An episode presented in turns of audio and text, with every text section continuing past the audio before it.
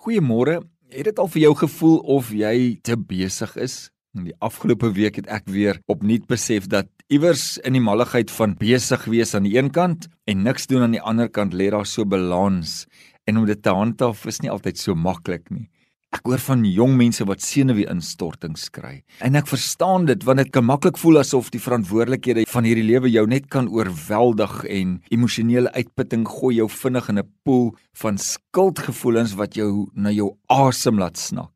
En vinnig kom jy agter jy is te besig en die dinge wat jou lewe werklik kan verryk, pas dikwels nie in jou te besige lewe in nie.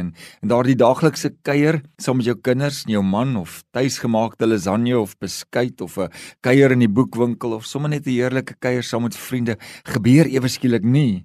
Sien as jy begin fokus om minder besig te raak, sal jy een van die groot lesse van die lewe leer dat dit baie nodig is om baie keer net niks te doen sodat jy iets kan doen spasie en stilte, liewe vriende, maak gesond. Onthou, alles wat in jou krywa is, het jy self daarin gelaai.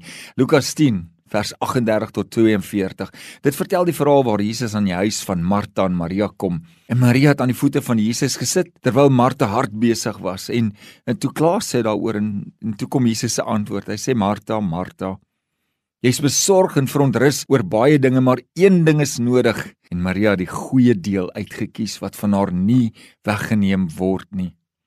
Sy was so vasgevang met dinge wat sy moet doen dat sy geen tyd gehad het om aan Jesus se voete te sit nie sien as die vyand ons nie in die verkeerde dinge van hierdie lewe geïnteresseerd kan kry of kan hou nie, kry hy ons in elk geval geïnteresseerd in baie ander dinge.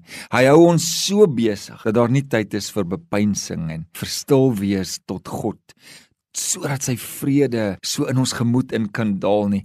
Erger nog, dis dikwels die goeie dinge waarmee ons besig is wat ons te besig maak.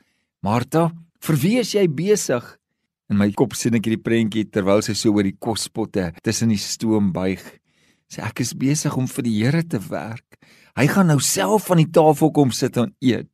Sien om vir hom te werk, moet ons eers rus in hom en by hom vind. En vandag kry ons oral Martas, Marias. Die een klompie is in die voorhuis aan die voete van Jesus en die ander is weer in die kombuis, ongelukkig en verontrust oor so baie dinge. So naby aan Jesus en tog so ver van hom af. Jy raak so besig dat jy die rustige geborgenheid van jou geloof mis. Jesus noem die een ding wat nodig is wat nooit van jou af weggeneem kan word nie. Psalm 27 vers 4 sê: "Een ding het ek van die Here begeer en, en dit sal ek soek dat ek al die dae van my lewe mag woon in die huis van die Here om die lieflikheid van die Here te aanskou en te ondersoek in sy tempel."